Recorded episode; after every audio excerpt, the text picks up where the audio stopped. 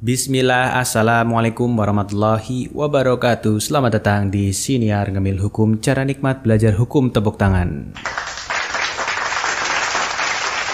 Ya teman-teman sekalian ini adalah program serial hukum acara pidana melanjutkan kembali dari episode sebelumnya di mana episode sebelumnya itu kita akan ngebahas mengenai mereka yang disebut dalam kuhab Nah, episode kali ini mengangkat judul yaitu Pintu Proses Acara Pidana. Ya, harus semangat ya teman-teman sekalian di mana pun Anda berada. Belajar hukum acara pidana ini dulu waktu saya masih kuliah karena 3 SKS atau 4 SKS yang mana dalam satu pekan itu ada dua kali pertemuan sehingga eh, berapa JPL itu ya ada 6 JPL ya beda-beda kampus beda-beda JPL yang pada intinya adalah karena terbatasnya waktu sedangkan substansi ataupun materi pokok yang ada di dalam hukum acara pidana itu ada banyak sehingga tidak bisa merangkul ataupun menjangkau semua materi dengan optimal. Sedangkan hukum acara pidana ini adalah mata kuliah yang sifatnya itu praktik atau praktikal. Dan ini harus butuh sekali ya namanya fokus ya. Saya pun merasa terbantu sekali. Dulu waktu saya kuliah itu kebetulan Allahnya dipercaya ikut kompetisi peradilan semu. Dan yang jadi mata mata kuliah yang diujikan itu adalah acara pidana kasus posisi pidana. Maka hukum acara pidana lumayan memiliki ruang tersendiri di bagi pembelajaran saya waktu dulu kuliah. Sehingga agak memudahkan ketika saya lagi ngambil hukum acara pidana. Nah, agak flashback sedikit ke episode sebelumnya di mana uh, kita sudah bahas mengenai integrate criminal justice system ataupun sistem peradilan pidana terpadu. Kita juga sudah bahas eh, pihak-pihak uh, mana yang disebutkan di dalam Kitab Undang-Undang Hukum Acara Pidana. Nah, setelah ini kita akan membahas mengenai alur acara pidana. Sistem peradilan pidana terpadu itu berarti membicarakan mengenai sistem yang berlaku mengenai hukum acara pidana di Indonesia.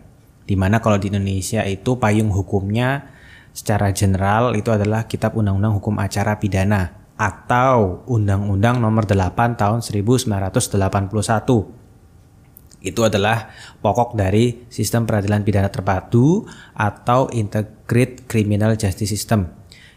Lalu kita masuk ke dalam KUHAP di dalam kuhab ternyata disebutkan siapa-siapa saja ataupun profesi-profesi apa saja yang nantinya akan berkecimpung ataupun uh, berkegiatan, saya menyebutnya berkegiatan atau beracara di dalam undang-undang hukum acara pidana. Seperti kita ketahui kemarin kita kan menyebut ada penyidik, penyelidik, jaksa, penuntut umum, hakim, tersangka, terdakwa dan lain sebagainya. Nah, itu pihak-pihaknya siapa saja. Nah, kemudian kita tidak mungkin berbicara mengenai hukum acara pidana jika tidak mempelajari alur acara pidana. Apa ya, kalau bahasa orang kuliah itu alur, uh, prosedur ataupun step by stepnya. Bagannya, gimana ya bahasa istilahnya seperti itu. Nah, timeline. Nah, kalau anak-anak yang suka MCU timeline, Marvel Cinematic Universe, nah gitu. Jadi untuk mempelajari timeline ataupun alur acara pidana itu kita akan tahu bahwa alur acara pidana itu ada yang namanya pintu masuk ataupun awalnya itu di mana, mulai berlakunya acara pidana itu pintu masuknya itu dari mana gitu. Nah, ini yang akan menjadi topik bahasan kita hari ini. Nah, ternyata setelah diperhatikan di Undang-Undang Nomor 8 Tahun 1981 atau KUHAP itu pintu masuknya proses hukum acara pidana itu terdapat menjadi tiga. Gimana ya bahasanya? E, dibagi menjadi tiga kategori. Yang pertama adalah tertangkap tangan yang kedua adalah laporan yang ketiga adalah pengaduan Sebelum kita bahas satu persatu, mari kita baca berita hukum pilihan yang sudah kami pilih. Kita ke berita yang pertama dari detik.com. Polisi ungkap keuntungan yang diterima tersangka penipuan kasus Quotex Doni Salmanan. Diketahui Doni menerima keuntungan besar setiap member mengalami kekalahan dalam trading. Afiliator ini mendapatkan keuntungan dari hasil transaksi yang dilakukan oleh para afiliasi sebagai member untuk melakukan trading valuta asing di website dengan keuntungan sebagai berikut. Pertama sebesar 80% apabila para member mengalami kekalahan bermain trading ujar Dirtipitsi Maksud kami Dirtipit Cyber Brigjen Asep Edi dalam konferensi pers di Mabes Polri Selasa 15 Maret 2022. Itu tadi ini adalah perkembangan kasus dari apa ini ya, trading-trading ini ya. Setelah sebelumnya Indra Gens, sekarang Doni Salmanan. Ya, kita doakan saja semoga uh, perkembangan kasus ini menjadi lebih lebih terang benderang ya karena uh, dibilang ini merupakan penipuan ataupun judi kita juga nggak bisa memberikan pendapat yang pasti ini harus dilihat dulu. Karena nanti kan nah ini berita berita-berita seperti ini nih bagus ini. Nanti kita akan belajar mengenai perkembangannya. Nah nanti kira-kira jaksanya mau pakai pasal apa? Dari penyelidikan penyidikan terus kemudian P21 ini kita makanya diperhatikan terus Nah, itu tujuannya dari membaca berita hukum pilihan itu seperti itu. Nah, nanti ketika sudah dilihat, oh ternyata yang dipakai itu pasal pencucian uang, mungkin ya, ini kan kita bacanya baru sekilas-sekilas saja. Atau mungkin, oh yang dibaca, yang digunakan adalah penipuan. Nah, nanti perkembangan kasus ini akan kita lihat gitu. Atau mungkin kombinasi semuanya dipakai oleh penyidik ataupun penuntut umum. Kita akan lihat perkembangannya seperti apa. Oke, sekarang kita akan lanjutkan ya. Tadi kan sudah disebutkan bahwa pintu masuknya itu ada tiga ya. Kita yang ke pertama yaitu tertangkap tangan.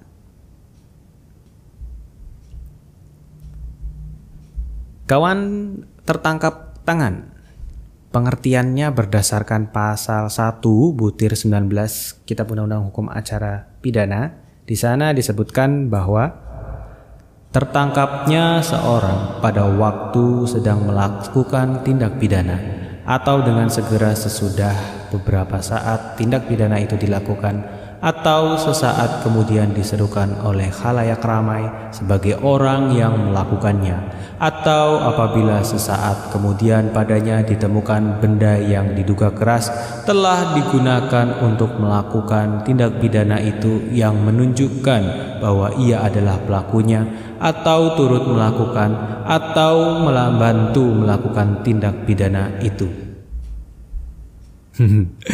Sengaja di echo echoin ya biar bisa membedakan mana bunyi undang-undang, mana bunyi bukan undang-undang. Nah, ini tadi sudah dibacakan definisinya panjang lebar nih mengenai tertangkap tangan. Kalau kita apa ya bahasakan secara bahasa slangnya atau bahasa gaulnya mungkin ini kepergok kali ya. Maksudnya kayak gitu. Nah, tapi kita perlu memberikan semacam highlight terhadap definisi undang-undang tadi. Di mana di situ kita lihat ada frasa tertangkapnya seseorang. Nah, tertangkapnya seseorang ini ternyata artinya adalah ada orang yang tertangkap.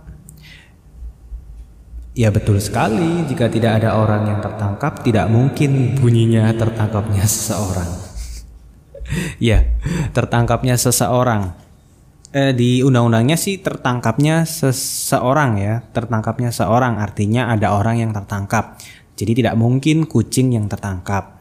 Gitu. Berarti undang-undang ini berlakunya untuk manusia. Dah. Lalu frasa yang selanjutnya adalah pada waktu sedang melakukan tindak pidana. Itu berarti artinya orang itu tertangkap sewaktu sedang melakukan tindak pidana. Jadi mungkin maksud dari pembentuk undang-undang adalah ketika dia melakukan tindak pidana, contoh copet gitu ya, dia lagi ngambil dompet orang, kemudian dilihat oleh pihak yang berwenang, nah itu berarti ketertangkap tangan tuh pada saat masuknya kategori pada waktu sedang melakukan. Nah, gitu. Lalu yang ketiga nih, frasa yang ketiga. Segera sesudah beberapa saat tindak pidana itu dilakukan. Ulangi ya. Ini kalimat-kalimat yang ada di undang-undang itu adalah kalimat-kalimat yang bersayap. Jadi kita harus baca, tidak boleh baca cuma satu kali. Ya, walaupun saya sudah sarjana hukum, saya suka bingung juga. Jadi Bukan hanya Anda, bukan hanya Anda. Ulangi ya. Segera sesudah beberapa saat tindak pidana itu dilakukan. Segera sesudah beberapa saat tindak pidana itu dilakukan. Nah, ini dari buku Hukum Acara Pidana Suatu Pengantar Pengarangan Profesor Dr. Andi Sofyan SHMH dan Haji Abdul Aziz SHMH ya. Jadi bukan kata saya ya. Nah, ini berdasarkan literasi ini di situ disebutkan artinya segera sesudah beberapa saat tindak pidana itu dilakukan. Artinya si pelaku tertangkap beberapa saat kemudian setelah melakukan tindak pidana itu. Segera berarti bahwa jarak antara terjadi tindak pidana dan tertangkapnya si pelaku tidak terlalu lama sehingga tidak ada keraguan-raguan bahwa tersangka adalah pelakunya. Nah, ini teman-teman yang mendengarkan nih, episode kali ini nih agak seru nih. Segera sesudah beberapa saat tindak pidana itu dilakukan. Itu berarti beberapa saat kemudian setelah melakukan tindak pidana itu. Jadi, misalkan pencopet itu kita kita ngambil dari ilustrasi pencopet ya. Seorang mengambil e, nyopet nih di angkot Nah biasanya copetnya sudah sampai turun nih, sudah sampai turun. Korbannya baru ngeh, baru ngeh, waduh ada copet, si kecopetan. Lalu dia turun dari angkot, e, melihat, waduh di mana tuh dia tadi kayaknya yang barusan turun nih gitu. Nah ketemu karena bajunya mungkin dia pakai baju warna merah, dia agak-agak ingat wajahnya, lalu di, dia panggil apa namanya Pak itu kayak dicurigai adalah yang melakukan pencopetan Nah, kemudian ditang ditangkaplah di situ ataupun di, disuruh lihat uh, dompetnya. Mana lihat uh, tas-tasnya Anda? Ada tidak dompetnya? Eh, ternyata ada. Nah, itu berarti di situ uh, kan tidak kepergoknya pada saat dia ambil. Nah, ini berarti masih uh, setelah dia sudah kejadian baru dia turun kemudian ketemu sama yang punya. Nah, berarti itu uh, masih masuk terkait ter, masih tergolong kategori tertangkap tangan. Karena di sini segera sesudah beberapa saat tindak pidana itu dilakukan. Berarti sudah lewat tapi tidak terlalu lama. Nah, di sini dia disebutkan nih, segera berarti bahwa jarak antara terjadi tindak pidana dan tertangkapnya si pelaku tidak terlalu lama. Jadi tidak sampai 50 tahun. Intermezzo ya. Oke, itu. Jadi masih masuk tertangkap tangan, ya. Bayangannya seperti itu dulu. Jadi ketika ada pencopet, walaupun dia itu tidak terlihat gerakan tangannya, tapi ketika si korban ngeh wajahnya pencopet itu, itu loh pakai kaos itu, dan ketika diperiksa ada dompetnya, oh berarti masih termasuk tergolong tertangkap tangan. Itu ya belajarnya di situ. Lalu kemudian adalah sesaat kemudian diserukannya atau diteriakkan oleh halayak ramai sebagai orang yang melakukan tindak pidana. Artinya si pelaku ketika sedang melakukan perbuatan tindak pidana terlihat oleh halayak ramai. lalu diserukan sebagai pelakunya dan ketika ia melarikan diri ditangkap oleh orang ramai tersebut.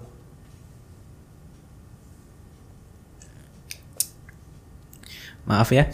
Uh, ya, jadi ini untuk frasa yang selanjutnya adalah bisa dikatakan ataupun dikategorikan tertangkap tangan apabila diserukan atau diteriakkan oleh halayak ramai sebagai orang yang melakukan tindak pidana. Bayangan saya berarti ini adalah diteriaki maling. Misalkan ada pencurian, kemudian pelakunya itu kelihatan nih dipanggil atau mungkin kecopetan yang tadi ya, pencopet yang tadi ya. Kita lanjutkan aja ya uh, ilustrasi yang tadi. Ternyata korbannya itu ngeh dari jauh dia lihat, wah itu dompet saya. Uh, itu dompet saya terus dia teriak maling maling atau copet copet copet lalu yang lain tuh juga pada lihat itu woi woi copet woi terus akhirnya uh, dia malah uh, si orang tadi yang dipanggil itu yang kaos merah misalkan ya uh, dia juga ngeh bahwa ada orang-orang manggilin dia. Hmm, teriakin dia copet. Dia langsung dia kabur dia lari. Nah begitu ketangkep itu masih termasuk kategori tertangkap tangan. Karena di sini undang-undang pun menyebutkan diserukan atau diteriakkan. Berarti kan ada yang berteriak toh ada yang panggil-panggil gitu ada yang announcement announcement gitu. Bahasa misalkan kayak gini ya misalkan woi maling itu maling ya kayak gitu misalkan kayak gitu ya maksudnya mungkin kayak gitu ya Oke, okay, intermezzo ya, intermezzo. Oke seperti itu. Nah itu yang apa namanya eh, keadaan yang dimaksudkan undang-undang yang selanjutnya. Lalu yang kelima ini di sini bukan kelima ya eh, keadaan lainnya di bukunya si kelima. Sesaat kemudian padanya ditemukan benda yang diduga keras telah digunakan untuk melakukan tindak pidana dan atau barang bukti hasil kejahatannya. Nah ini misalkan eh, nggak uh, ada yang teriak-teriak, nggak ada yang korbannya juga nggak ngeh, terus kemudian uh, kejadiannya juga nggak apa namanya tidak terlalu lama dari situ, nah, maksudnya tidak sampai bertahun-tahun gitu. Tapi pada saat uh, pencopet tadi itu dilihat, eh itu kok ada? Pakai echo echo echo. Loh, coba lihat sini. Uh, kok ada dompet? Kamu dompet ada lebih dari satu. Uh, dilihat si apa namanya pria berkaos merah itu. Wih dompetnya ada lebih dari ada 10 sedangkan dia bukan seorang yang berjualan dompet. Di situ ada banyak apa namanya kartu identitas berarti patut diduga nih bahwa doi adalah seorang sales dompet tentu saja tidak ya, berarti dia bisa di, disangsikan bahwa dia adalah seorang sales. Gak berarti dia disangsikan bahwa dia uh, bukan disangsikan, salah, coret. Berarti dia dicurigai adalah seorang pencopet gitu karena dia membawa dompet lebih dari satu gitu. Nah, berarti dia termasuk termasuk kategori tertangkap tangan Iya, karena uh, keadaan yang uh, keempat ya berarti ya sebutnya. Berarti di sini kita lihat lagi ya frasanya ya. Ada berapa keadaan nih yang bisa dikatakan sebagai tertangkap tangan?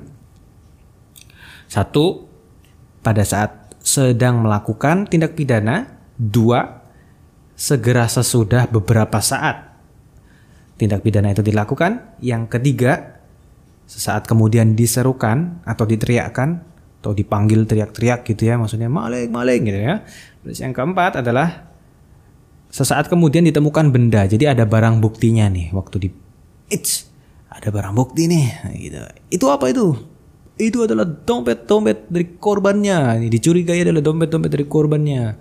Ditemukan di tas ataupun kalau kasus narkotika, wih itu apa itu? Itu ada sebuah barang-barang yang tidak lazim dibawa oleh seseorang seperti daun ganja ataupun narkotika jenis sabu gitu. Misalkan seperti itu. Jadi itu masuk ke kategori tertangkap tangan.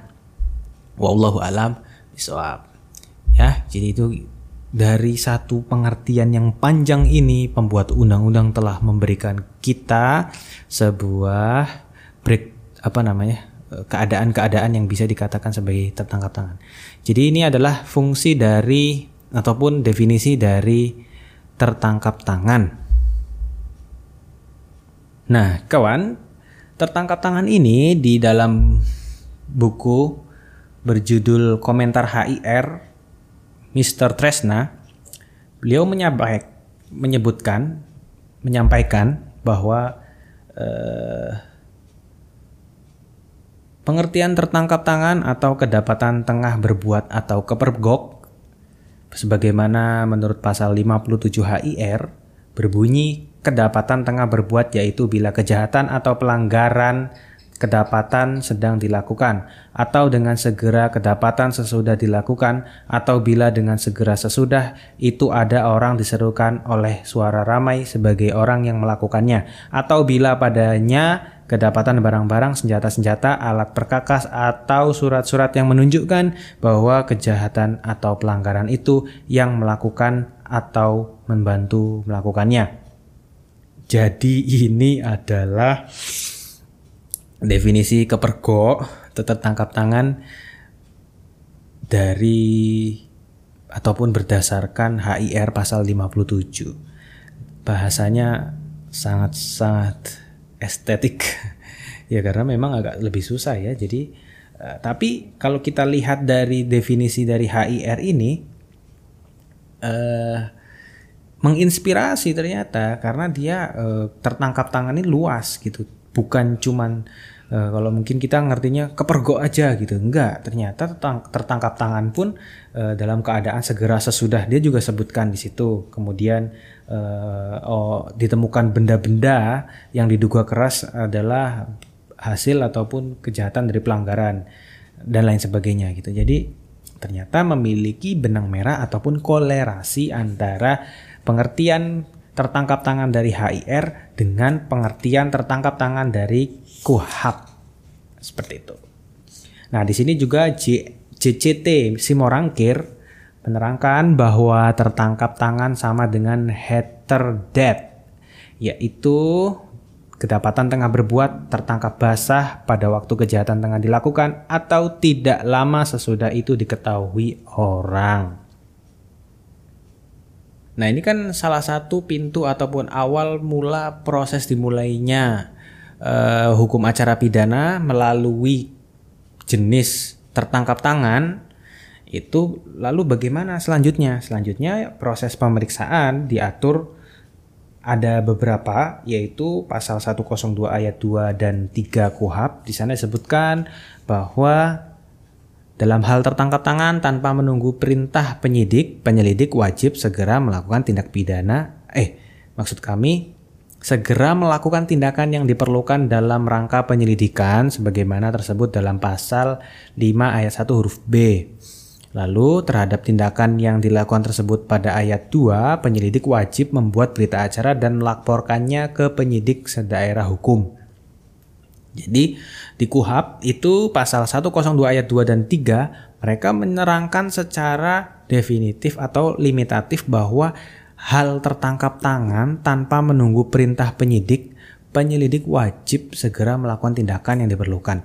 Nah, eh, di sini berarti gambarannya gini misalkan di dalam di, di lapangan itu tanpa harus uh, perintah penyidik uh, penyelidik yang pada saat itu menangani perkara tersebut ya. Misalkan tadi kasus uh, pencopetan tadi uh, tanpa harus menunggu dari penyidik penyelidik itu sudah harus bisa melakukan tindakan gitu. Karena memang ini kan tertangkap tangan. Dan kuhab pun sudah memberikan uh, apa namanya prosesnya ataupun apa yang harus dilakukan nih gitu. Berdasarkan pasal 102 ayat 2 dan dan 3. Nah, lalu untuk yang kedua, keadaan yang kedua, proses pemeriksaan keadaan yang kedua pasal 111 KUHAP di sana menerangkan bahwa dalam hal tertangkap tangan setiap orang berhak Sedangkan setiap orang yang mempunyai wewenang dalam tugas ketertiban, ketentraman, dan keamanan umum wajib menangkap tersangka guna diserahkan beserta atau tanpa barang bukti kepada penyelidik atau penyidik.